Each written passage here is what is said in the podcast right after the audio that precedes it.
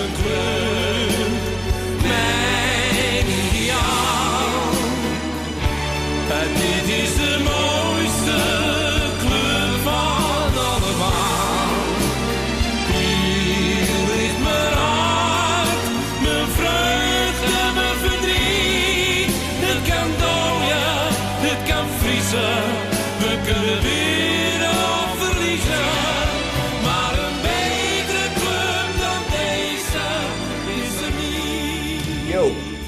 je luistert naar een nieuwe aflevering van Mokum FC, de wekelijkse podcast over de allermooiste club van allemaal. Mijn naam is Kevin Zwaven en met mij zijn Ajax1.nl hoofdredacteur Robbie Boerboom, Hoi. Twitter-titaan Bart Sanders Goedenavond allemaal. en student journalistiek Luc Kramer. Yes, hoi. Fijn dat jullie eh, wederom zijn aangeschoven. Ik kan me voorstellen dat het een wat zwaardere opgave is dan eh, normaal, gezien de eh, recente wedstrijd tegen PSV. En je merkt dat je dan al gauw van hele hoge pieken naar eh, diepe dalen gaat. Waar we nog vol lof waren na de Champions League kwalificatie en de sterke eh, wedstrijden in de eredivisie. Eh, en zelfs vragen of dit Ajax misschien wel de sterkste selectie is van de afgelopen 15 jaar. Staan we na die 3-0 oorwassing tegen PSV ineens weer stevig met beide benen op de grond. Ontzettend pijnlijke middag, ontzettend pijnlijke zondag. Eh, Bart, om, om met jou te beginnen, wat vond je globaal van de wedstrijd? Ik schrok ervan, allereerst. Eh, ik had het niet verwacht, ik had het niet zien aankomen. Ehm, vooraf is alles makkelijk, eh, of achteraf is alles makkelijk eigenlijk. Vooraf hoorde ik eigenlijk niemand over die bezetting achterin. Er waren enkele mensen die dat raar vonden. Ik vond op zich ook opvallend, maar ik begreep de keuze wel. En dat het dan zo uitpakt, ja, dat is natuurlijk erg pijnlijk. En dan heeft Ten Hag uiteraard achteraf eh, geen gelijk. Maar ik schrok wel eh, vooral van de, intensiteit van PSV en de agressiviteit van PSV ten opzichte dat van Ajax. Dat was echt schrikbarend eh, verschil. Al vind ik wel dat de- tot de, tot de 1-0, 2-0 eigenlijk een gelijk opgaande wedstrijd was die niet heel veel aan was. Weinig kansen waren aan beide kanten. En dat door middel van twee anderhalve fout van de Ajax PSV het zadel ingeholpen werd. En vanaf dat moment, eigenlijk vanaf die 1-2-0, was PSV helemaal los en eh, was Ajax nergens. En ja, de tweede helft ook. eh, dan hoop je op een, op een snelle eh aansluitingstreffer. Maar dat zat er eigenlijk helemaal geen moment in. De verdedigers kregen voornamelijk de schuld.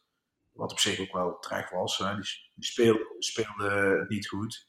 Maar laten we niet vergeten dat ik vond dat de voorste vier ook totaal niet thuis gaven. Huntelaar niet gezien. Ziyech mislukte alles. Tadic werkte hard. Maar het was gewoon allemaal te boven. Ballen die ertussen vielen, die waren altijd voor PSV. Die zaten er veel feller op. Op een gegeven moment zag ik Angelino erop duiken. Ja, dat is gewoon een instelling. En gewoon eh, de power waarmee ze begonnen, PSV, die hebben Ajax gewoon compleet over, over, overtroffen. En ik vraag me ook af met welke instelling Ajax die wedstrijd inging. Vond ik echt eh, zeer eh, twijfelachtig. Ja, ik, ik moet ook zeggen, eh, s ochtends eh, keek ik naar ehm, eh, de tafel van Kees en er zat Hedwiges Maduro. En die gaf ook aan het belang van dat stukje intensiteit. Dat er ook in het buitenland, bijvoorbeeld in Spanje, dat daar zoveel meer nadruk op lag. Hoe je een wedstrijd beleeft en hoe je zo'n wedstrijd ingaat. Ehm, er is veel gesproken over inderdaad die tactische keuze voor het centrale duo achterin. Maar is dat misschien een nog belangrijker aspect van deze wedstrijd, Robbie? Dat je, dat je gewoon daarin tekort schiet als Ajax zijnde. Ja, dat denk ik wel. Kijk, eh, PSV eh, klapte er eigenlijk gewoon overheen.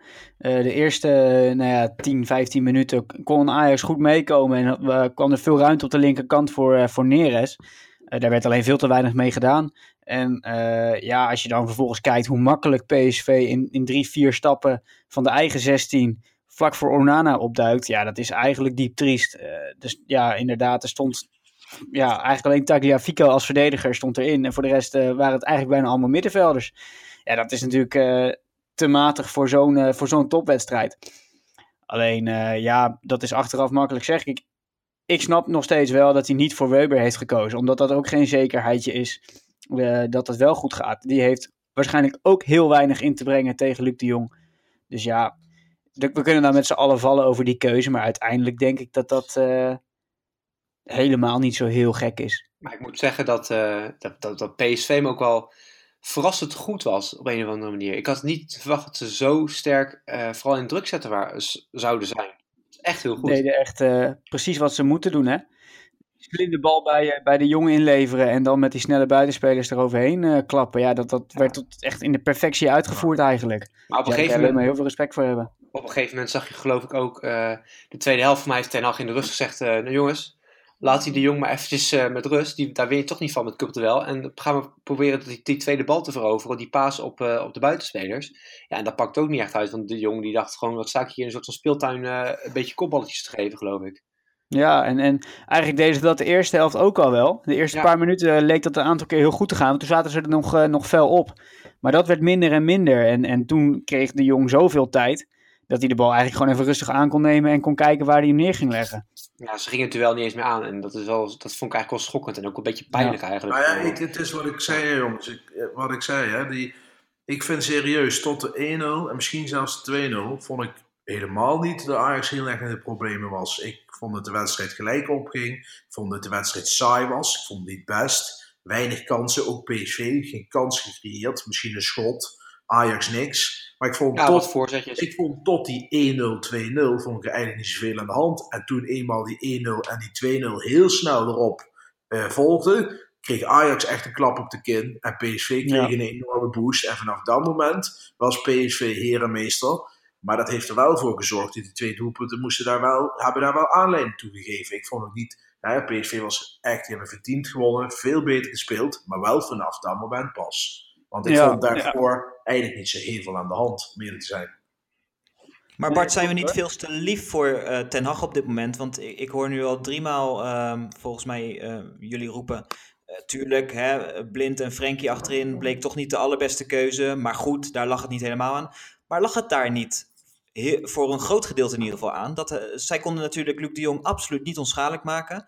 Ging ook meermaals de fout in mogen we daar ten Hag dan uh, niet een klein nou, beetje ik vond, Ik vond op Luc de Jong, kijk vooraf liep iedereen te roeptoeteren van, oh jee, Luc de Jong voorzetten. Nou, hoeveel kopballen heeft hij gehad? Volgens mij één of twee, of nauwelijks. Het valt toch allemaal maar mee. In de duels zijn ze met voorzetten in ieder geval, waar vooraf iedereen bang voor was, niet gekomen. Ik denk dat de fout van Ten Hag veel meer lag in het feit, zodra Ajax aan de bal was, gingen zowel de rechtsback als de linksback heel hoog staan, echt op de rand van het middenveld.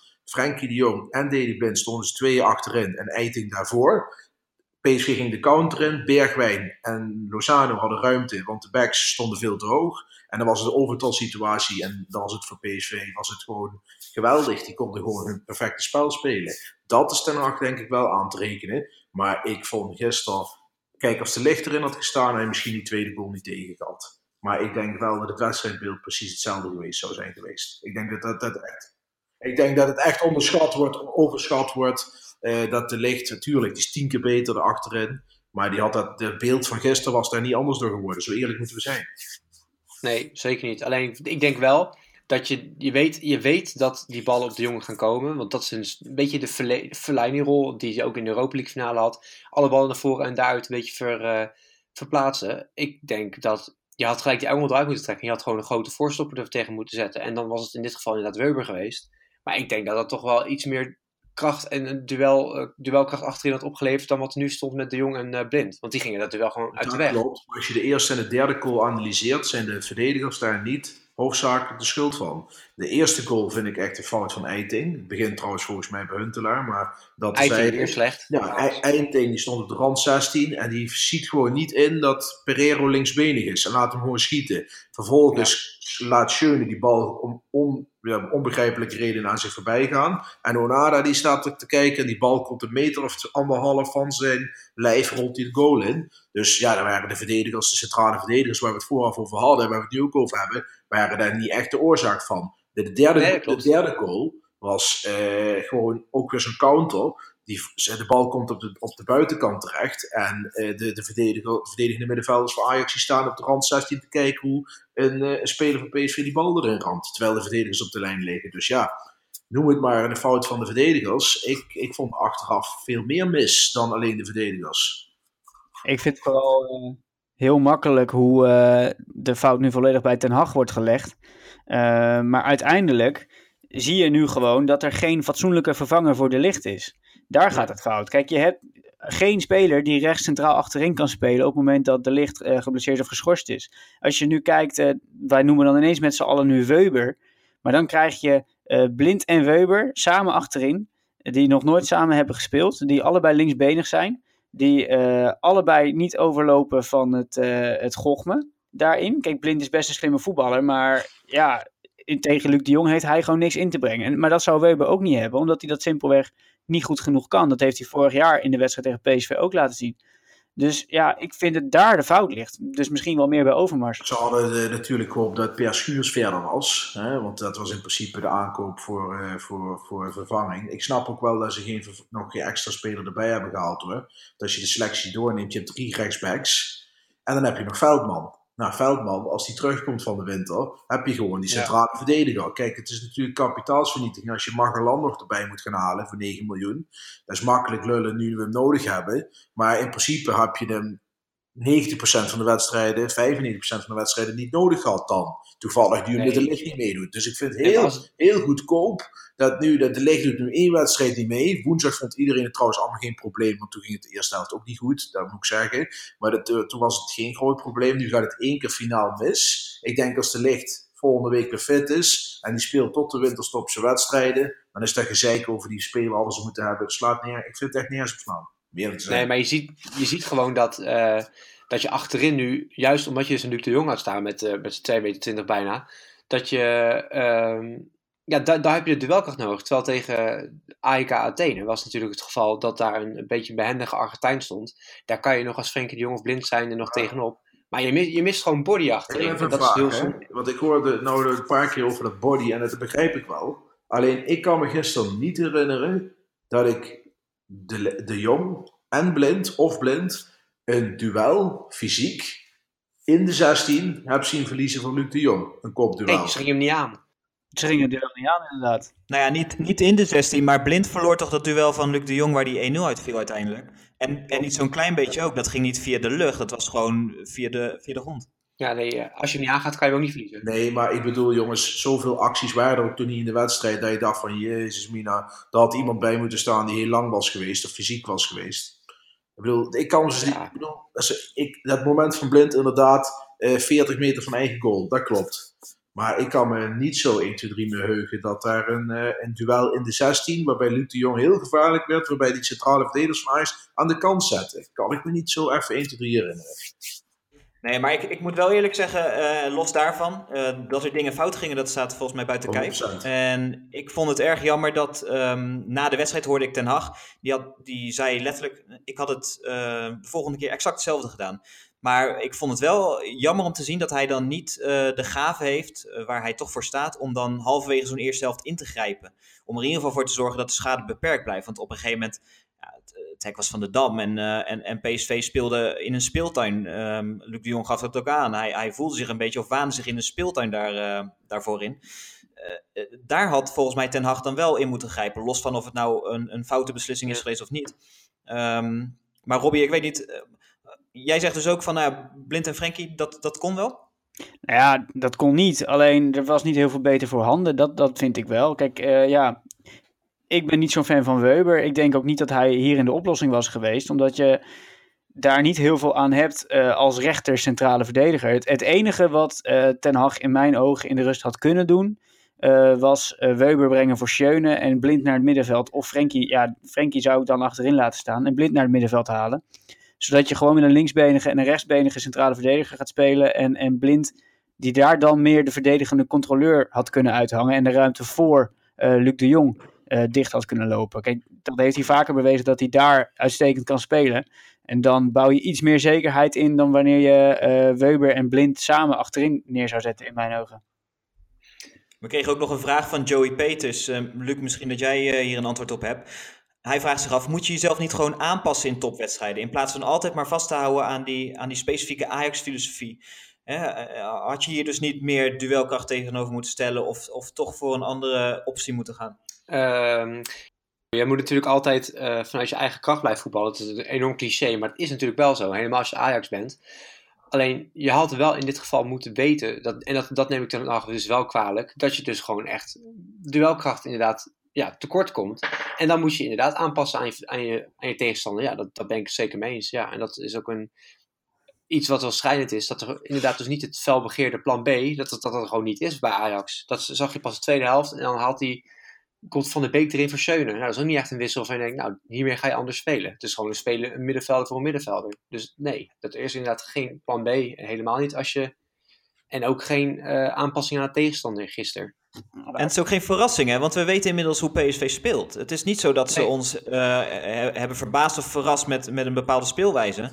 En volgens mij begonnen we daar ook mee. Dan is het wel schijnend om te zien dat het, dat het verschil in kwaliteit, uh, tenminste in, in de prestaties die ze op de mat leggen, dat dat, dat, dat zo groot is. En. Ja, ja, je had natuurlijk in, je had natuurlijk in 2015 die uh, vroege kopbal van uh, Milik, waardoor je of vijf vroeg op 1-0 stond, waardoor je eigenlijk uh, PSV een beetje moest laten komen. En waardoor je als Ajax zijn een beetje in, het, in, de, in de wedstrijd werd gespeeld. Maar de jaren daarna speelde PSV precies hetzelfde. Ook met volle druk erop, publiek erachter. Geen ruimtemogelijkheden, geen ruimte laten aan Ajax. En dat doen ze nou drie jaar rij en elke drie jaar werkt het. Dus ja, je had het ook kunnen verwachten. Jongens, slaan we nou niet door, want uh, het is ook elke keer uh, gaan we, naar mijn gevoel, uh, van de hak op de tak. Want nu is het weer de Ajax-filosofie. Afgelopen december speelde Ajax thuis tegen PSV. PSV werd de uiteindelijke kampioen. Ajax speelt thuis in Arena. Walst over PSV heen. Scoort drie doelpunten binnen 10 minuten in de tweede helft. Wint gewoon die wedstrijd met 3-0. Hoorde ik ook niemand roepen. Ja, die coach, Cocu, dit en dat, zo, zo, zo. Ajax speelde toen fantastisch. Gewoon in de eigen filosofie. Nu gaat het finaal ja. fout. Nu gaat het finaal fout. En dan kan niemand er wel wat van. En dan hebben we geen plan B. En dan, oh, de filosofie. Bullshit. Deze wedstrijd was gisteren gewoon enorm slecht. Ik vond buiten hoe Ten Hag het neer heeft gezet, daar mag je best iets op aanmerken. Ik had het wellicht ook anders gedaan. Maar ik vond buiten dat, dat er gewoon elf spelers op het veld stonden die gewoon totaal verkeerd die wedstrijd in zijn gegaan. En dat ligt misschien ook aan de voorbereiding van de trainer, dat weet ik niet. Maar alleen al het getreuzel van Onana in de goal bijvoorbeeld, die alle ballen losliet. Het was gewoon één groot zootje. En ik hoop maar het kan toch niet zo zijn dat je, dat je met elf spelers op deze manier het veld op gaat bij, nou, bij zo'n topper. Ja, maar dan moet je wel afvragen waar dat aan ligt. Want ik geloof niet dat elf spelers allemaal uh, gelijktijdig een off-day kunnen hebben. Dan, dan gaat er of, volgens mij wel een meer off-day bestaat niet. Of het is gewoon een puur gebrek aan kwaliteit. Maar Bart, je, je weet wel dat, uh, dat PSV altijd anders speelt in de arena dan ze thuis in, de, in Eindhoven spelen. Bij, in, in de arena zijn ze altijd terughoudend. En daarmee speel je eigenlijk in de kaart. Maar in Eindhoven zijn ze altijd op deze manier. Ze spelen altijd op twee manieren. Nee, dat klopt, daar ben ik het ook helemaal mee eens. Maar vorige acht wedstrijden heeft Ajax gewonnen. Hebben ze één goal tegen gehad. Allemaal Hosanna. Dan roept iedere keer, elke keer, elke wedstrijd van ja, die is tegenstander en die tegenstander. Ja, dat is allemaal niet zoveel. Kan allemaal maar zijn. We hebben Ajax gezien, die speelde gewoon prima. Tegen PSV was het dramatisch na de eerste doelpunten. Maar ik ga niet mee in die, uh, in die bandwagon met uh, negativiteit. We hebben zes ronden, speelrondes gespeeld. We lopen vijf punten achter. PSV gaat heus nog punten verspelen, want er is nooit een club die 34 wedstrijden gewonnen heeft. Ajax heeft genoeg nee, kwaliteit om alle wedstrijden buiten die uitwedstrijd van PSV om te moeten winnen. Ik heb Feyenoord gezien, ik heb AZ gezien. Dat mag allemaal geen probleem zijn. PSV uit, de lastige wedstrijd hebben we nu gehad. We krijgen PSV thuis nog. Nou, dat wordt een hele andere wedstrijd, voorspel ik nu alvast, schijn maar vast op. Ik, ik, het gisteren was vervelend. Ik was ook zakkerijnig toen ik de wedstrijd uh, afgelopen was. Maar laten we alsjeblieft niet doorslaan. Ik denk ook dat je, dat je gelijk hebt dat we niet in dat opportunisme moeten meegaan hoor. En uh, ik denk dat het ook goed is om, om daaraan vast te houden. Kijk, die kwalificatie voor de Champions League alleen al is natuurlijk een, gigantische prestatie. En daar mag je dan niet ineens na één wedstrijd een heel andere mening over hebben. Dat, dat ben ik heel met je eens. Maar ik denk wel je hebt een oorwassing gehad van je directe concurrent. Het stond gewoon niet goed. Daar, daar is volgens mij iedereen het wel mee, uh, mee eens. Dan mag je dat ook wel benoemen. En dat er dus, kijk, ga je uh, 2-1 of, of uh, 3-2 eraf en is de gelijkwaardige wedstrijd. Een wedstrijd kan alle kanten op, maar het was nu wel schijnend. Het verschil was gewoon te groot als jij serieus mee wilt doen om de titel. Vooral als je ziet hoeveel miljoenen er in de selectie zijn. Nee, helemaal mee eens. En dan mag je volgens mij mag je er best wel een, een, een noot of kanttekening mee plaatsen. Het verschil was groot, tuurlijk. Dat, dat is zeker waar. Maar het is natuurlijk ook een beetje een momentopname. En het, het, ja, het zat gewoon niet mee. Laten we daar ook, ook eerlijk over zijn. Het is niet zo dat als deze wedstrijd uh, tien keer wordt gespeeld, dat het elke keer zo eindigt. Het, het, ja, het, het, zat gewoon niet mee ook. Het, is ook een beetje geluk altijd. En dat, het, ja, het zat niet aan onze Nee, maar. PSV had ook gewoon het juiste gevoel in die wedstrijd. Je zag het van begin af aan. Ik, ik zag Hendricks erop vliegen. Kijk, luister. Niks te nadelen van jongens als, eh hoe heet die jongen ook weer op middenveld naast Hendricks vergeet. Pablo Rosario. Dat is gewoon een hele normale voetballer. Maar die doet één ding, is erop klappen. Zo'n Dumfries, vind ik een leuk rechtsback, vind je een wereldtopper. Goeie. Zat er echt rechtsback. vol op en die knalde erop en dat was geweldig om te zien. PSV had de juiste instelling en dat kwam omdat bij Ajax van tevoren natuurlijk weer die woorden waren. Schöne die weer van alles moest roepen. Eh, wij staan volgende week weer Ja. bovenaan. Dat was wel Nou, pijnlijk, hè? dat- Ik zei het toch, doe dat ik snap ook niet, ik begrijp ook niet dat een speler met de ervaring van Schöne dat roept. Ik vind dat zo dom. Dan hangen ze in de kleedkamer op de PSV. PSV rook bloed. En die hebben gewoon lekker gedacht, weet je wat we doen? Lange ballen op de Luc de Jong, afvallende ballen. Die zijn voor ons. Nou, dat hebben ze uitermate goed gedaan op een prettig ag- agressieve manier. Ik eh, als PSV-supporter zou trots zijn op hoe gisteren eh, Ajax die oorwassing heb gegeven. Ajax is geen moment in de wedstrijd geweest. Niemand in dit hele team. Niemand. Ik ben wel eh, blij dat eh, Dolberg er in de rust in kwam. Toch leuk om hem weer eh, aan de bak te zien. Ja, en, ja, en het, Ik denk dat we daar wel weer veel plezier van Dat gaan is hebben. een hoor. respect van Huntelaar, want je mag tegenwoordig niks over Huntelaar zeggen. En hij heeft de afgelopen weken uitstekend gedaan hoor, Huntelaar. Niks, niks mis mee. Maar voetballend heb je er geen zak aan. En het gisteren ook, hij deed gewoon niks. Je hebt er niks aan. Je moet iemand hebben die een bal vast kan houden, die, die zich aan kan bieden voetballend. En dat zit niet bij Huntelaar. Maar om even terug te komen op die teksten van, eh, van Lasse Schöne. Dat was inderdaad pijnlijk. Vooral omdat meerdere PSV-spelers eh, daarna aangaven van ja, dat hing gewoon bij ons in de kleedkamer. Dat heeft ons gemotiveerd. Dan mag je inderdaad wel eh, van een, een ervaren speler als Lasse mag je volgens mij verwachten dat hij dat soort ja, kinderlijke foutjes misschien niet maakt. Nu hoorde ik Daley Blind na die wedstrijd min of meer hetzelfde doen door te zeggen ja, maar ik heb ook wel eens 13 punten achter gestaan. Ik maak me niet zoveel zorgen. Robbie, eh, hoe- hoeveel eh, speelt het dan mee dat we toch altijd een beetje die Amsterdamse brani, bluff en arrogantie erin hebben? Ja, weet ik niet. Ik vind het ook een beetje eh, amateurpsychologie altijd hoor. Dat dat soort uitspraken er dan voor moeten zorgen dat je gemotiveerder raakt. Dat, ja, als je dat nodig hebt voor zo'n wedstrijd, dat eh, vind ik ook een beetje gekkig. Ja, maar wat moeten ze dan zeggen? Maar ja, wat moeten die jongens Ja, dan precies. zeggen? Dat wou ik net zeggen. Wat moet je dan zeggen? We staan, der, we staan vijf punten achter, we zijn kansloos in, eh, in, sep- in september. Dat Nou ja, ik vond die reactie van Frenkie de Jong, die vond ik wel heel professioneel. Die zei gewoon, nou, eh, nederigheid is nu op zijn plaats. En wij, eh, Ja, wij zijn niet dat Ajax en wij zijn niet de beste. Want dat zijn we op dit moment gewoon niet. Maar soms denk ik echt dat Frenkie gewoon de, messa- de messias is. Dat, die, die zegt zulke slimme dingen alsof hij al 30 jaar in het voetballen rondloopt. Het is ongelooflijk bijna soms. Ja, maar vooral als je al zo lang eh, geen kampioenschap hebt behaald, dan is het misschien ook wel ehm, ja, reden om wat meer focus te leggen op je prestatie dan, eh, dan de woorden in de media.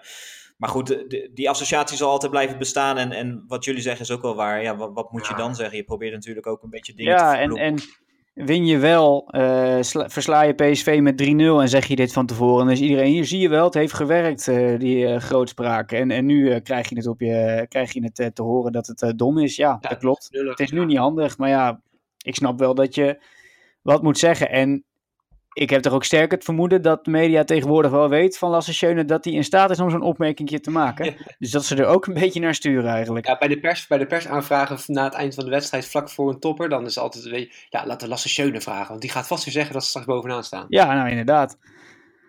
We hebben het nu voornamelijk gehad over het centrale duo achterin. Ehm, ik zelf vond eh, Karel Eiting bijvoorbeeld ook ehm, ondermaats voetballen. Was erg jammer om te zien. Je had het idee dat hij toch een beetje verzoop daar eh, op middenveld. Ook eh, een en aan eh, handelingssnelheid tekort kwam. Of tenminste, hij, hij leek niet helemaal mee te kunnen gaan in het tempo van de wedstrijd. Eh Luc, eh, andere spelers als je ze moet beoordelen. eh, vooral de sterkhouders, een Ziyech, een Tadic. Eh, wat vond je van hen? Ja, moeilijk. Ik moet zeggen dat ze eigenlijk allemaal inderdaad door het ijs zakten. Helemaal op de momenten waarop ze juist moesten opstaan. Ik vond Ziyech aan het begin eh nog wel weer typisch Ziyech toch, best wel weer goed. Hij soms die paasje er tussendoor die je, niet, die niemand zag. Dat was des Ziyech. Alleen, eh, het was op het moment dat, dat ze er moesten staan, juist die, weet je, aan het einde van die eerste helft, zag je gewoon dat, dat het niet goed genoeg was. Dus ik, moet, ik weet niet of er een voldoende, tussen, een voldoende tussen zat. Eigenlijk. Nee, ik vond vooral ook eh Tadic, die was vooral heel erg bezig met... oh, het lukt vandaag allemaal niet, wat is het toch allemaal vervelend. Ja. Die liep zich alleen maar te ergeren. Ik had heel sterk de indruk eh, dat, eh, dat Huntelaar gewoon echt niet fit was. Volgens mij heeft hij nog geen eh 50 meter gelopen. Dat was echt, die heeft alleen maar stilgestaan, heb ik het idee. En, en die maakte dan nog die fout waar die, waar die goal uitkomt. Maar ja, die bewoog nog geen twee meter opzij om daar de bal aan te nemen. Dus ja, ik had sterk de indruk dat die niet fit was. En Ziyech, ja, die zat er ook gewoon niet lekker in. Nee, ja, dat was wel duidelijk. En Neres ook niet trouwens. Poeh. Nee, ja, maar Tadic die, die had ook een paar voorzetmogelijkheden waarvan je denkt, nou, eh, geef hem dan eens goed voor. maar er gebeurde helemaal niks mee. Maar, Ja, vooral, Neres ook met dat eh, pirouetje eh, in de tweede helft. oh, maar, Heel raar. maar Tadic was volgens mij ook vooral bezig met de leider willen zijn, zoals hij al, al weken wil zijn. Maar nu denkt hij, oké, we staan achter, dus nu moet ik ook nog eens leider zijn in het veld om, om, om het team bovenop te werken en te helpen. En dat, dat, ja, dat hielp hem nou niet echt, moet ik eerlijk zeggen. Neres vooral eerste helft, hè, kreeg hij begin van de eerste helft heel veel ruimte aan die linkerflank. Maar eh, hij, hij deed er heel weinig mee. Kon een aantal keer, tot drie keer toe geloof ik, kon hij eh, vrij voorzetten. Maar eh, kwam allemaal niet aan. Nee. En dan merk je toch dat ja, het eigenlijk van begin af aan al tegen zat. En, en, de, en de spelers misschien als geheel ook nooit eh, volledig in de wedstrijd Nou, maar ik vond ook dat wat je zegt, wat mij heel erg opviel, die eerste paar minuten. Je zag een paar voorzetten van links en een corner, dacht ik, of twee corners. Ja. En die kwamen allemaal op kniehoogte aan. Ja, Of echt klopt. allemaal op een metertje hoog of zo. En toen dacht ik al van, eh, oh, het wordt, zo'n, het wordt er niet zo'n dag, hè. En eh, de- het was gewoon niet, niet scherp, niet, ja, gewoon niet goed. Er was één kans dat Huntelaar dicht met de kop erbij was, geloof ik, bij een voorzet bij de eerste helft. Ja, van volgens mij. ja. Was toen ging net Tagliafico, volgens mij, hè? volgens mij. Ja. Ja, of die kans, eh, die, die bal die net van de lijn werd gehaald, die had ook al ingewogen. ja. De tweede helft dan. Ik hoor net de naam Tagliafico voorbij komen. Als we dan één lichtpuntje moeten benoemen, eh, kunnen we zijn naam eh, opschrijven? Nou, die was Ja. wel het minst, minst slecht van allemaal. Slecht, ja. Die had, nog, de- die had de strijdlust die de PSV'ers allemaal keer twee gaven. En die had, ja, Nico Tagliafico is natuurlijk altijd degene die die strijdlust levert. Ja, en die had hij ook wel. Maar Ja, de wat die team, ja. wat hij goed doet, hè. kijk, zo'n Lozano, de irriteer je kapot aan. Kijk, je hoopt dan dat ze hem over de reling schoppen. Maar dat had, dat had PSV hetzelfde jaren geleden bij Suarez, dus ik snap dat wel. Ja. Maar zo'n jongen is in, het, in je eigen team natuurlijk goud waard. Maar dat heeft Tagliafico ook, die werd op een gegeven moment geraakt eh, door de arm van Dumfries. En die ging dan liggen van, oh jee, maar die had door van, nou, ik moet nu even gaan liggen, want even op adem komen, even de boel organiseren. En dat zag ik bij Ajax ook echt veel te weinig. De ballen werden afgepakt, tweede ballen werden allemaal voor PSV. Het was gewoon, eh, ja, het was heel apathisch. Ja, en die mentaliteit, dat verschil, dat zag je wel eh, direct bij de aftrap ook. Hè? Dat eh, Huntelaar, die, die sprintte naar voren en die werd direct opgevangen door Hendricks. Die kreeg meteen even een kekie. En daar kan je zien dat dat ook een beetje de ervaring is van Van Bommel. Die, die had er natuurlijk ook een handje van. Ik weet nog dat, eh dat Toivonen dat volgens mij ook een keer deed. Of was het Strootman tegen Ajax? Dat, Mm. dat ze ook even een tikkie gaven al bij aanvang van de wedstrijd. Gewoon om even te laten zien van... Hey, eh, we zijn hier om eh, ja, een partijtje te vechten. Ik zou het wel iets voor Toivonen vinden, eerlijk gezegd. Ja, nee, dat absoluut. Dat is de ideale speler voor.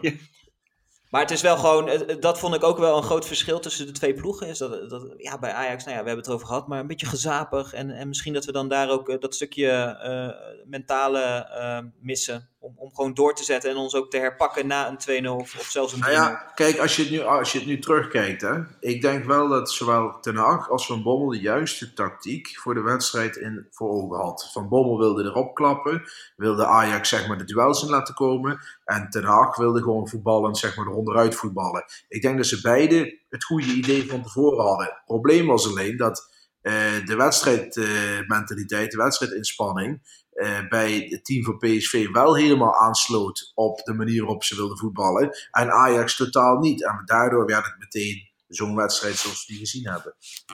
Ja, uiteindelijk kunnen we denk ik gewoon concluderen dat het gewoon een totale off-day was. Eh, bijzonder slecht gespeeld. Maar ja, we moeten nou niet doen alsof eh, alle weken waarin we fantastische wedstrijden hebben gezien, dat die nu wegvallen. Want dat is natuurlijk ook niet waar. Kijk, een aantal keer heeft Ten Hag met zijn tactische keuzes ja, gewoon echt het maximale eruit gehaald. Ja, en nu eh, liep het even totaal mis. Ja, nou ja, hij werd niet geholpen door zijn spelers. Dus ja, Dus laten we in ieder geval, wat ze graag altijd willen, de luisteraars, laten we positief blijven. En laten we zeggen dat het allemaal gewoon goed komt. Als we het over positiviteit hebben, sorry Bart, dan ehm, hebben we het al gauw denk ik over Ryan Gravenberg. Ehm 16-jarig toptalent uit, eh, uit de jeugd. Eh, veelbelovende toekomst. Toch moet ik wel zeggen, en ja, helaas moeten we dan toch weer naar het negativisme, althans ik. Ik vind het dan wel een gek moment om, om zo'n jongen te de- laten debuteren. Ik weet niet wat jij ervan vond, eh, Bart. Ja, ik vind het totaal eh, bullshit ook weer. Eh, maar hoezo kan dat niet? Ik bedoel, uh, is daar een bepaald draaiboek voor? Ik las gisteren iemand die stuurde van ja, bij Ajax uh, vallen jeugdspelers in als het 4-0 staat tegen FCM. Ik vind dat zo'n onzin. Die jongen die kwam erin, die zei na de wedstrijd, kon je het ook horen, die zei ik was fantastisch blij. Tuurlijk, het team stond 3-0 achter en de kansloze verliespartij. Maar ik ben hartstikke trots en blij op mijn debuut en die minuten die hij mocht maken. Nou, die jongen die is nou weer een stappensontwikkeling verder. Die kan een, een checkmark achter zijn debuut zetten. Uh, en Denzel Gravenberg is typisch een voetballer. Ik vergeleek hem gisteren met De Ligt bijvoorbeeld. Of uh, er zijn nog legio genoeg voorbeelden daarvan. Het zijn jonge jongens die op papier 16, 17 jaar oud zijn, maar die tussen de oren al een stuk verder zijn. Deze jongen komt er wel. Dat is denk ik echt een, een megatalent. Ja, tuurlijk. maar dat is ook mooi dat, dat hij... Uh, kijk, de wedstrijd was toch al verloren. Dus als je hem dan erin brengt dan is het toch, dat is toch mooi voor die jongen, denk ik. En we hadden niks, we hadden niks meer te winnen, we hadden ook niks meer te verliezen daarentegen. Dus uh, ja, ik, inderdaad, wat je zegt, ik vind het eigenlijk wel prima. laat hem maar lekker spelen. En hij, dat geeft hem misschien een boost. En dan zal hij misschien nog eerder klaar zijn voor het eerste. Wie weet. Ik vind het eigenlijk wel leuk. Ben ik dan de enige die daar uh, anders over denkt, Robin? Ja, nou ja, de wedstrijd was inderdaad gespeeld en er was misschien uh, een idealer moment geweest voor de jongen om, uh, om zijn debuut te maken. Maar aan de andere kant denk ik ook wel weer dat het heel leerzaam is en dat minuten pakken in zo'n wedstrijd uh, voor zijn ontwikkeling uiteindelijk wel heel veel kan helpen. dus ja, wanneer hij dan zijn debuut maakt, ik denk niet dat je daar ja, een heel groot probleem van moet maken. Wat denk je, zit hij er elke week bij nu? Nou, dat zal denk ik heel erg verschillen als de licht fit is en andere jongens erbij zijn. Dan ja, moet dat nog maar zien. Maar is het afbreukrisico niet veel te groot? Je hebt het over de allerjongste debutant ooit van Ajax. Uh, net 16 jaar. Althans, 130 nou, dagen. Wel, wel 60 geloof ik. Dat is toch mooi? Weet je, het is toch leuk voor zo'n jongen. En uh, het is een mooie titel voor hem. En uh, nou ja, wat we overal lezen, horen en, en zien, is het een ongelooflijk groot talent.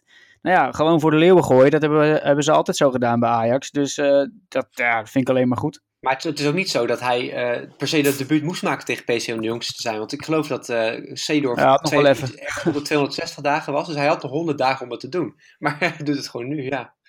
Nee, maar vooral omdat de, de kans dat je uh, nog tegen een tegendoelpunt, misschien wel twee oploopt, dan uh, ga je met je debuut ga je er met 5-0 vanaf. Uh, de kans dat jij hoogstpersoonlijk even het tijd komt keren namens Ajax is ook minimaal. Dat verwacht niemand van die jongen. En Kijk, uh, je kan ook de, de, de, komende week debuteren tegen een, tegen een, beker, een bekerwedstrijdje tegen de amateurs. Nou ja, dan vind ik voor het jongste talent, die dan gedebuteerd is, dan vind ik dit toch een veel mooiere wedstrijd Ondanks dat je hem verliest. Maar, is maar kan, je als 16, mooier. kan je als 16-jarige dan niet een, een, mentale tik krijgen als je gewoon uh, dan nog even uh, een dubbele oorwassing krijgt tegen PSV tijdens je debuut? Ja, maar daar is hij niet verantwoordelijk voor. Nee, Kijk, hij heeft hier totaal geen invloed op gehad. Dus als, ja. hij, als hij 4 5-0 had tegengekregen, was het ook niet waarschijnlijk zijn schuld niet geweest. Het is niet zo dat je een goal tegenkrijgt door jouw ene fout of door jouw ene actie. De licht uh, debuteerde in het Nederlands elftal en maakte twee ongelofelijke fouten. Nou ja, daar is het ook goed mee gekomen. nou uh, had hij twee assists tegen Portugal. Dus, uh. Nou ja, misschien uh, wil ik onze, onze goede briljantjes iets te veel in bescherming nemen. Dan ja. laat ik dat los. Dus wel goed bedoeld, Kevin, toch? Absoluut, Absoluut. tuurlijk. Lieve jongen, ja. Het allerbeste met z'n voor. nee, maar het, het, maakt, het maakt geen bal uit, joh. Het maakt echt geen bal uit. Die, die jongen die, die vindt het geweldig. Dat zei hij na de wedstrijd ook. Hij heeft zijn debuut gemaakt. Die jongen is hartstikke blij die gaat heus nog wel spelen dit seizoen. Hoor, want die heeft gewoon echt uh, meer talent in zijn, uh, in zijn, zijn rechterteen dan uh, Dani de Wit in beide voeten. Dus nee, dat is gewoon echt. Gravenberg is weer zo'n exceptioneel talent. Schrijf maar op. Ik had wel verwacht dat Dani de Wit nog even als breekijs zou worden gebracht. Ja. Ja, dan zou het ja. dan, dan zou de nood helemaal aan de man zijn. Als hij ook, ook, ook erin kwam. Wat een zwaktebot is dat dan? Ja. hey, maar uh, realiteit is nu dat we vijf punten achter staan op PSV. Um, gelijk met Feyenoord zelfs. Ik zelf heb Feyenoord dit seizoen nog niet gezien als een serieuze titelkandidaat. Maar het is nu wel zo dat we gewoon gelijk staan met ze. Hoe groot is die schade zo vroeg in het seizoen? Misschien dat jij dat weet, Robbie. Uh, hoe groot is de kans nog dat wij PSV gewoon gaan inhalen? Ja, het is natuurlijk nog heel vroeg in het seizoen. Alleen uh, PSV maakt wel een hele solide indruk. En ze zullen heus nog punten gaan uh, laten liggen. Maar dat gaat Ajax ook doen. dus ja dat is heel moeilijk te zeggen. Het is zonde dat je zo vroeg al vijf punten achter staat. En, en ondanks dat ik niet denk dat deze wedstrijd uh, nou echt beslissend is geweest, uh, je, loop je wel nu alweer achter de feiten aan. En dat, dat is natuurlijk wel een probleem. Zeker als je ook Europees en in de beker uh, hoge ogen wil gooien. Maar we klagen wel eens over het wisselbeleid van eh, Erik ten Hag. En terecht eh, soms. Maar bij Feyenoord daarentegen hebben ze helemaal niet op de rails. Dat, dat, dat- die, van Bronkhorst heeft gewoon een gebrek aan kennis en aan kunde. En hij heeft geluk dat Van Persie nog eentje erin eh, kopt in de laatste minuten. Maar anders was het ook gewoon 0-0 tegen Utrecht geworden. Want die wedstrijd was ook niet om aan te gluren. Toch is het wel zo dat met al die gebreken ze wel gewoon op dezelfde plek staan als dat wij nu staan. Ja, maar misschien ook wel een makkelijker schema of zo. Ja, zo, daar kan je het ook aan... eh, Ja, jongens, zullen we dit thema alsjeblieft eh, parkeren? Want Feyenoord hoeft het niet serieus te nemen, alsjeblieft. Nee, zeker weten niet. Dat is echt... eh, We hebben staan gelijke punten, daar is alles mee gezegd. Ik bedoel, we hebben Vitesse uit nu gehad, we hebben PSV uitgehad. Er zijn normaal eh, eh, wedstrijden waar Ajax nul punten had, of misschien één. Dus ja, eh, we hebben het over. PSV we hoeven echt niet naar onder te kijken. En we kijken alleen maar naar boven. PSV heeft, we, we hebben één wedstrijd verloren. Weliswaar met de hand op de, op de blote billen. Maar ja, zo so be it. Daar heb je een paar keer per jaar zo'n wedstrijd. Eh, laten we gewoon kijken hoe het verder gaat. Komt heus wel goed. Eh, er wordt gewoon nog een strijd tussen die twee. Eh, ik heb daar geen enkele twijfel over. En Feyenoord gaat niet meedoen. Die staan nu toevallig gelijk. Maar als je er hebt zitten kijken, dat is, eh, daar kun je niet met Ajax vergelijken. Ja, dat lijkt nergens op, hè? Nee, het is... eh, Ik heb ook absoluut niet de illusie dat wij eh, gelijkwaardig zijn aan Feyenoord. Zo bedoel ik het absoluut niet. Maar de realiteit is wel dat wij dit armzalige Feyenoord waar we het nu over hebben, dat wij ehm, ja, geen, geen puntje verder staan dan zij. Eh, dat probeerde ik alleen even aan te nee, dat Maar klopt. goed, Maar Maar na vijf wedstrijden kan je daar ook nog niks over zeggen. Kijk, als ze nou na 30 wedstrijden gelijke punt hadden gestaan, was het anders geweest. Na vijf, na, na vijf zes wedstrijden, ja, weet je, dat gebeurt. Daar, er zijn ook clubs die normaal gesproken onderaan staan, staan nu ook nog in de middenmoot. Dat kan ook nog nu. We gaan het afwachten. Ik heb eh, goede hoop in ieder geval hoor. Laat, eh, laat dat duidelijk zijn. Ehm, maar Bart, jij stipte het net ook al even aan. Ehm, het is wel verbazingwekkend om te zien hoe wij van die hele hoge pieken weer eh, afdalen naar de allerdiepste dalen. Ehm, eh, volgens mij speelt ook de media daar nogal een grote rol in. Hè? De- het ene moment heeft de nacht de, de allerbeste selectie ooit en kan het niet meer stuk. De dag daarna is het ineens weer waardeloos. Moet Ten Hag het liefst zo snel mogelijk plaatsmaken voor een vervanger. Hoe, kijk jij daar tegenaan? Ja, het is heel opportunistisch. Hè? Kijk, ik heb zelf ook wel eens last van soms een beetje opportunisme. Maar de kranten, en de- vooral de krant van Wakker Nederland, die, eh, ja, die eh, spannen de kroon wat dat betreft eh, met opportunisme. Ik moet wel zeggen dat de Telegraaf sowieso van begin af aan totaal geen fan is van Erik ten Hag. Dat kun je gewoon zien. Dat zie je in de berichtgeving, dat zie je in alle stellingen die gedropt worden. Ook eh, vanmorgen weer werd er een stelling gedropt of dat Erik ten Hag wel de juiste coach voor Ajax is. Ik vind het heel ordinair eh, aan de stoelpoten zagen. Heeft niks meer te maken met, eh, met eh, journalistiek dit. Dit is gewoon ordinair. Nee, de Telegraaf eh, slaat volledig door in het eh, inhakken op Erik ten Hag. Eh, ja, ik ben absoluut niet zijn grootste fan. Ik, ja, het, het is voor mij geen typische Ajax-trainer. Hij heeft een aantal keer eh, ja, echt hele goede tactische grepen gedaan, waarmee je echt zichtbaar een beter result- resultaat heeft behaald. En eh, ja, eigenlijk net zo vaak heeft hij er eh, een, grote bende van gemaakt. Nou ja, daar was gisteren denk ik eh, onderdeel van. Maar eh, ja, zo inhakken op, op die trainer als dat de Telegraaf doet, dat slaat natuurlijk helemaal nergens op. Ja, ik weet niet of je de column ook hebt gelezen van Freek Jans in de VI. Nou, dat, die is veel gedeeld op social media vandaag. Daarin eh, sch- schrijft hij dat de Telegraaf weer flink eh, te hap had en dat het weer een slangenkuil is. En dat dan altijd het, ehm, het statement wordt gemaakt dat, dat het geen Ajax-coaches zijn. Net zoals dat Peter, Peter Bos het in het begin van zijn, eh, van zijn seizoen dat niet was. En zodra het slecht gaat, komt de Telegraaf altijd terug op dat het geen, dat het geen Ajax-coaches zijn. En weten ze er altijd wel weer iets moois van te, Ja, ik snap te maken. Die, die, die politiek, dat is gewoon puur politiek. Ja, je weet toch niet hoe dat, hoe dat werkt, maar het is zo doorzichtig.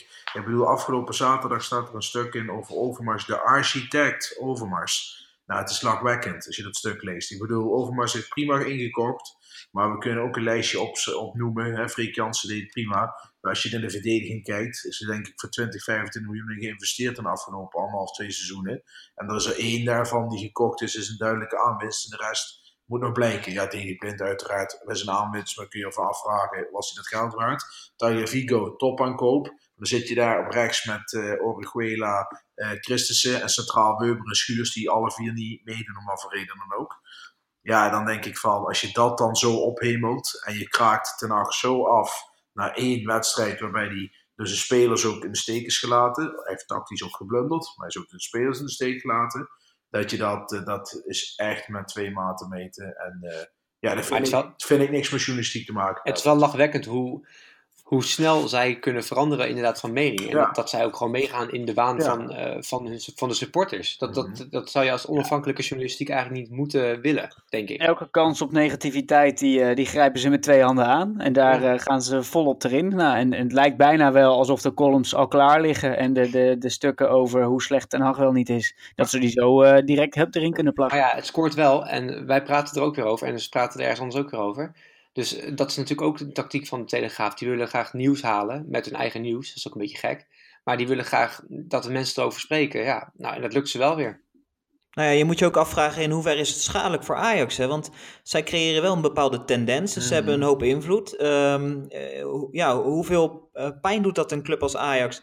Wat ook nog volgens mij een soort van official partner Ja, het is official partner. Dat is nog meer, de meest schadelijke ook nog. Ik zou als, als club een officiële partner eh, niet zo willen laten berichten. Ik wil niet zeggen dat ze dan wel doodgemaakt moeten worden. Maar het, het zagen aan de poten van, eh, van de trainer op een wijze ja, die heel ordinair is. Ik kan het niet anders eh, verwoorden. Ik, ja, ik vind het echt geen stijl. Nee, Nou ja, en om ook weer even die vergelijking te trekken naar, naar PSV. Daar hebben ze het altijd over de rust van de hertgang. Hè? Tussen de bomen, er gebeurt niks. Eh, de Telegraaf zorgt er natuurlijk, ook voor dat er, dat er een hoop onrust altijd maar rondom Ajax heen hangt. Ook wanneer het wellicht wat rustiger is binnen de club. Eh, een of ander artikel of column zorgt er toch wel weer voor dat er een hoop Ja. reuring is en dat er een hoop ophef, ontstaat. Ja, wat voor een impact heeft dat? Ik vraag me af in, hoe, in hoeverre dat, dat echt van invloed is op, op prestaties en, en de gemoedsrust Ah, rondom die nee, maar dat vind ik ook, ook een mooi punt waar je nu aansnijdt. We hebben in, zeg maar onder de rivieren, ik woon er zelf ook, er hangt altijd een tendens van... Kan niet horen. Dank je. Er hangt altijd een tendens van, oh, alles wat in het Westen gebeurt is belangrijk. Hè, dat is altijd een soort van, eh, wij tellen niet mee eh, mentaliteit. Nou, die heerst in Eindhoven ook. En dan zeggen ze altijd, soms terecht, wij worden weinig in televisieprogramma's eh, genoemd. Er heet Studio Ajax en Ajax Inside noemen ze het dan voor de grap. Na tafelen met Ajax, nou, noem het allemaal maar op. Ehm, dat is enerzijds vervelend, maar van de andere kant wees blij. Want Ajax heeft daar denk ik wel eh, eh, meer last van dan profijt van in heel veel gevallen. Ajax wordt altijd over gesproken als het goed gaat, maar des te meer wordt er gesproken als het slecht gaat. Bij PSV zijn ze altijd veel rustiger, maar daar wordt in goede en in slechte tijden veel genuanceerder over bericht gegeven. En Ja. eh, ik denk dat dat voor PSV enorm zalig is. Want Ja, dat kan. eh, bij Ajax is er altijd wat te doen. Maar ik heb ook gehoord dat, ik weet niet of het waar is hoor, dat je zou moeten verbeteren als het niet zo is, maar dat de journalisten van de Telegraaf zelfs soms in de kleedkamer mogen komen van Ajax. Nee, dat is onzin. Is het onzin? Ik heb gehoord dat dat onzin is. Nou, nou, want als dat het geval zou zijn, laten we daar even op houden. Dan is het, dat is natuurlijk helemaal gek. En helemaal als je Nee. zulke journalisten er binnen laat met zo'n, eh, die op zo'n manier praten over, over Ten Hag. Dat, dat ook heeft ook geen goede invloed op de spelers. Ik heb hier iemand over gesproken bij, eh, bij Ajax. En nou wil ik niet Peter de Vries uithangen. Maar die, eh, We hebben een insider. die, die ze heeft gezegd dat het absoluut onzin is. En, dat kan, en een beetje logisch nadenken is dat ook natuurlijk zo. Bedoel, Ja, het dat zou- zou ook heel gek Het zijn. zou heel gek zijn, het zou lang uitlekken. En dan moet je, niet, moet je het niet willen dat je daar als Ajax-speler staat eh, na te dampen. Dat in één keer Valentin Driessen met een microfoon in je oor zit. Nick Viergever die stipte dat nog wel even aan, want die is natuurlijk ook continu bezig om de, de vergelijking te maken tussen Ajax en PSV, of tenminste. Wordt daar ook voortdurend Eh, naar gevraagd natuurlijk. Wat, wat Viergever zei is dat eh, hij heel goed kon merken dat er binnen Ajax enorm veel verschillende belangen en verschillende stromingen waren. En dat dat bij PSV zo anders was. Dat ze met alle neuzen dezelfde kant op staan. Maar PSV is uiteindelijk dan toch een kleinere club. Kijk, eh, ze, ze presteren groots de laatste jaren. En, en, en daar kan Ajax misschien nog wel een voorbeeld aan nemen ook. Maar Ajax is gewoon de club die onder een vergrootglas ligt. De club waar het dan grotendeels om draait in Nederland. En, en ja, dat is bij PSV natuurlijk veel minder. Ja, bij, maar bij Ajax zijn natuurlijk ook internationale belangen. Er zijn belangen Nou ja, televisie. Je, en dat, heeft allemaal, dat moet allemaal intern geregeld worden. En dan zo zie je maar dat het intern nog niet altijd goed zit. Als bij een wereldclub als Real Madrid, Barcelona, weet ik veel, Bayern München, waar het gewoon altijd lekker loopt. En als je als Ajax die stap wil maken, dan kan Nou je natuurlijk, met- als, op het gebied van spelers moet je een stap maken naar de subtop van Europa. Maar ook qua directie gezien, denk ik. Is het juist niet zo hoe groter jij bent als club, hoe meer gezeik er is? Ik bedoel, Bayern München is toch eh, FC Hollywood Nou, Ja. inderdaad. Dat is, dat, is zeker, dat is zeker zo. Alleen daar binnen de club is het volgens mij altijd wel vrij rustig. Je hoort nooit gezeik van binnen de club dat, dat, dat er spelers over trainers zeiken. Of daar gaan ook alle neus volgens mij gewoon dezelfde kant op. Nou, dan eh, moet je zich... Maar over, eh, over Bayern gesproken, daar, ja, je, je leest nou eens allemaal mensen van, oh jee, ik hou mijn hart vast voor de wedstrijd tegen Bayern. Maar dat heeft er iemand de illusie onzin. gehad dat je daar gaat winnen dan? Onzin. Maar dat, ook- is, ook- dat ook- gebeurt toch sowieso niet? Ook weer zoiets. Zo'n zo'n ongelofelijke onzin. Tuurlijk, die wedstrijd gaat, ook, gaat ook, ga je ook heel anders in. Dat, eh, dan ga je naar Ajax. Tuurlijk gaat Ajax daar niet zomaar winnen. En met een beetje geluk haal je er een puntje. Maar normaliter ga je 9 van de 10 keer ga je daar verliezen. Ja, dan hoef je ook geen resultaat te halen. En kijk, daar kun je ook zomaar van, het, van de mat gespeeld worden. Maar ja, dan is dat ook hartstikke logisch. Net zoals dat PSV bij Barcelona van de mat gespeeld wordt. Eh, ik vind het anders. Ik wil trouwens nog wel even terugkomen op Nick Viergever.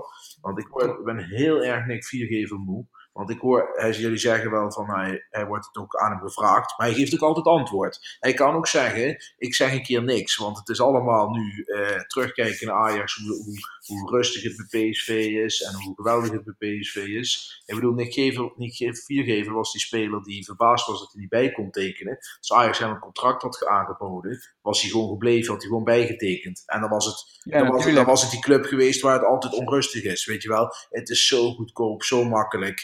Ja, maar weet je, dat gaat hij natuurlijk ook niet zeggen terwijl hij onder contract staat bij Ajax. En ik denk dat er geen enkele speler is die ontkent dat het onrustig is. eh, Ga Amsterdam. zeg dan niks. En het is helemaal niet zo onrustig. Ik, Ja. ik heb jaren bij Ajax gezien dat het veel onrustiger was. We, hebben één, we, gaan, we zijn ons op, de- op, keihard op onze bek gegaan gisteren. En dat is vervelend. Daar moet je even de nachtje over slapen. Maar we gaan volgende week gewoon weer verder. Fortuna eh, uit. Is toch prima?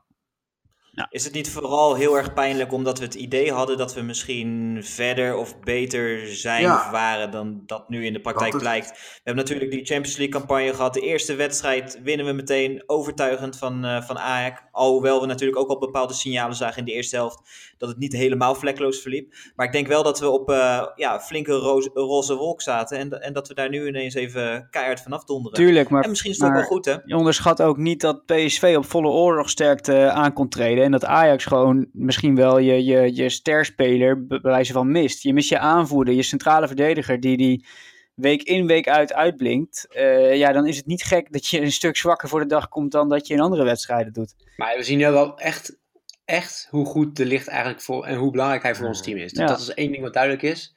We weten in ieder geval dat we de licht nodig hebben dit seizoen. Nou ja, maar goed. maar je- Ja. Wat ik al zeg, eh, we hebben verloren van PSV. Normaliter kun je verliezen van PSV. Uit bij PSV kun je gewoon een wedstrijd verliezen. Het gaat gewoon nogal om de manier waarop.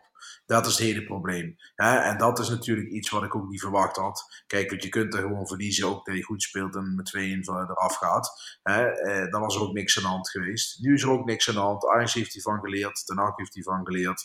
Volgende keer is dit niet zo. In de competitie ga je geen moeilijkere wedstrijd meer krijgen. Die heb je nu al gehad. Je hebt dus nog 6, 28 wedstrijden om het recht te breien. Nou, je moet nog naar de Kuip. Daar ligt altijd lekker bij Ajax. We zullen zien. Eh, ik, ik Ja, en eh, tegen Fortuna kan je lekker herstellen en eh, lekker eh, laten zien wat je allemaal in huis hebt en daar een mooie wedstrijd van maken. Dus ja, je moet er ook niet te moeilijk over doen. Denken jullie ook niet dat Ten Hag misschien een beetje gaat eh, experimenteren toch wel weer? Uit tegen Fortuna. Misschien Nee, toch een Van ik Beek, misschien een Neerreis toch meer naar de buitenkant. Ziyech terug naar het middenveld. Wie, Denk misschien ik niet. Weber. Nou, Nee. Eiting gaat niet spelen. Daar ben ik van overtuigd. Nee, nee Eiting, Eiting is nu... Ja, ik vond hem tegen Ajax al niet goed. Nou, jullie waren het er niet helemaal mee eens. Eerst zelf niet. Tweede helft vond ik hem, eh, vond ik hem prima. Oké, nou ja, in ieder geval... Maar ik vond hem wederom niet goed. En ik denk dat hij eh, deze keer buiten de boot valt. Ja, ik denk dat Ten Hag, eh, dat heeft hij al wel vaker laten zien, dat hij wel een man is die vasthoudt aan zijn eh gedachtes. Dus ja, ik denk niet dat er heel veel aanpassingen gaan komen. eh, zeker niet tegen een team als Fortuna. Je hebt wel kans dat eh, bijvoorbeeld een De Ligt, ondanks dat hij misschien wel fit zal zijn, toch nog niet speelt. En dat hij daar dan eh, nu wel een schuurs neerzet. Omdat dat een wedstrijd is waarin je die jongen wel de kans kan geven. En, en dat soort wisselingetjes, dat zou nog eens kunnen. Dolberg starten bijvoorbeeld, maar ja, ik denk dat Dolberg gaat dat verwacht ik niet. Ik denk ook niet dat we nu in paniek moeten raken. Hè. We zijn een bepaalde koers ingeslagen waar we gewoon hele goede resultaten mee hebben geboekt. Dan moet je dat volgens mij ook niet naar één zepert loslaten. Dat zou getuigen van opportunisme ook bij, eh, bij Erik ten Nacht zelf. En eh, dat zou hem niet sieren als, eh, als trainer. We hebben een keer in Utrecht met 6-2 verloren en gewoon kampioen geworden. Dus het kan altijd. Eh, ik sluit me aan bij de woorden van Bart. We zetten gewoon een hele dikke vette streep door PSV Ajax. Daar wil ik het gewoon de komende podcast ook niet meer over hebben. We gaan nu alleen nog maar naar onszelf kijken. En we zorgen gewoon zelf dat we de wedstrijden winnen. En dan zien we wel waar we eindigen eind van het seizoen. Ehm, we moeten even een officieus, officieel rondje doen wat we iedere keer doen. Ik vind het bijna misplaatst om dat nu te doen, maar we gaan het toch even doen. Aanstaande woensdag spelen we tegen Te Werven. En Te Werven is altijd een pittige tegenstander. Ja, Ehm, ik ben heel nieuwsgierig naar jullie voorspellingen voor die wedstrijd. Om met jou te beginnen, Luc. Ja, ik had het natuurlijk tegen had ik het natuurlijk goed. En eh PSV had ik bijna goed. Dus eh, ik denk dat het eh, wel een reële, reële kans is dat het eh, toch een eh, f- eh, 5-0 wordt. En eh, wie wordt dan de man of the match? De man of the match wordt Dolberg. En jij, Bart? Ja, ik vind het lastig. Eh, deze wedstrijd is nooit geen eer aan te behalen. Het zal wel, eh, ik denk, 3-0 worden. Zoiets, gewoon een hele matige wedstrijd met heel veel wisselspelers erin. Ik heb geen idee wie man of the match eh, gaat worden, maar nou, lekker schijk doen, Gravenberg.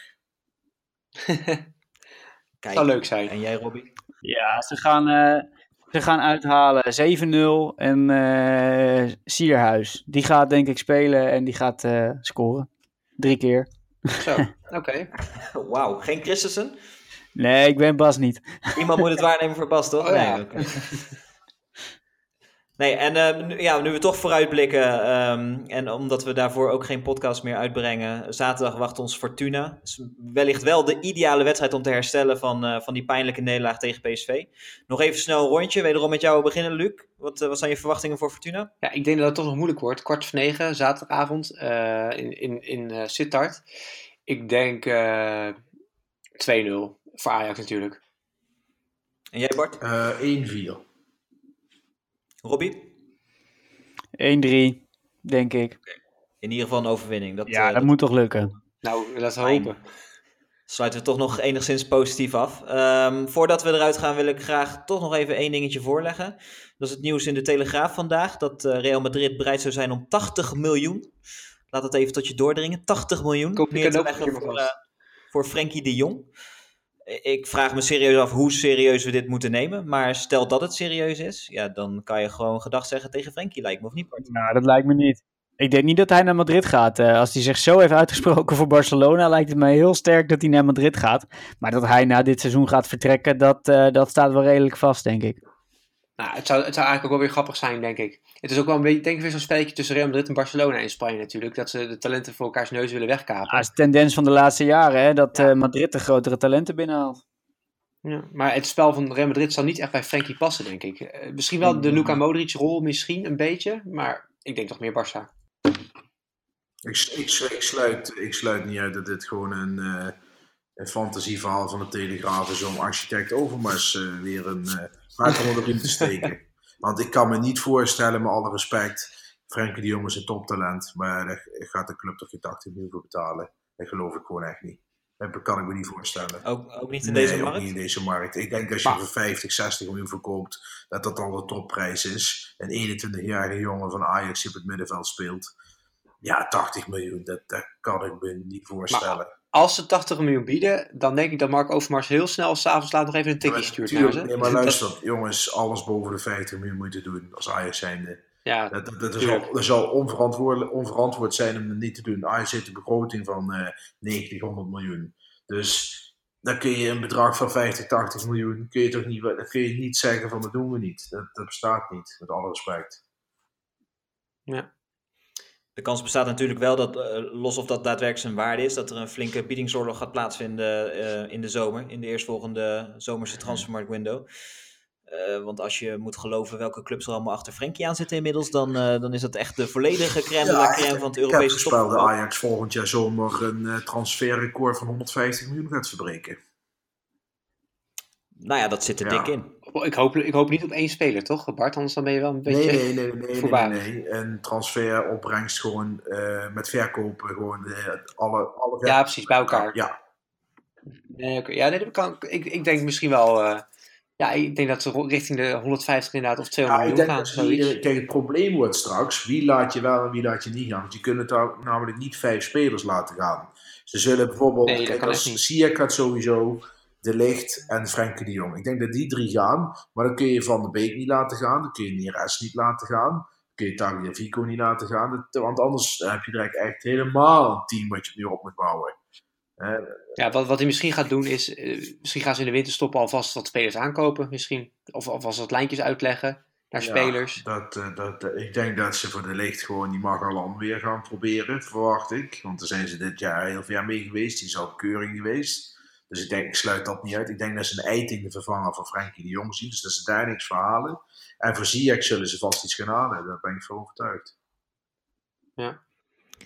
Wat er ook gebeurt, ondanks alle resultaten, kunnen we altijd nog vier blijven roepen. Wij zijn Ajax, wij zijn de rijkste. Jongens, ik wil jullie eh, van harte danken dat jullie ondanks eh, de pijn van de zondag toch eh, aanwezig wilden zijn om jullie mening te geven. Eh, en uiteraard jij ook, luisteraar. Jij zal het ook ongetwijfeld zwaar hebben gehad, maar tof dat je toch weer intuned eh, naar Mokum FC. Eh, woensdag wacht ons te werven, zaterdag Fortuna en daarna melden we ons weer want dan gaan we ons voorbereiden voor die fantastische Champions League wedstrijd tegen Bayern München. Belooft een, eh, een mooie week te worden. Nogmaals bedankt. Heren, jullie ook bedankt. Yes. En tot de volgende Fijne keer. avond.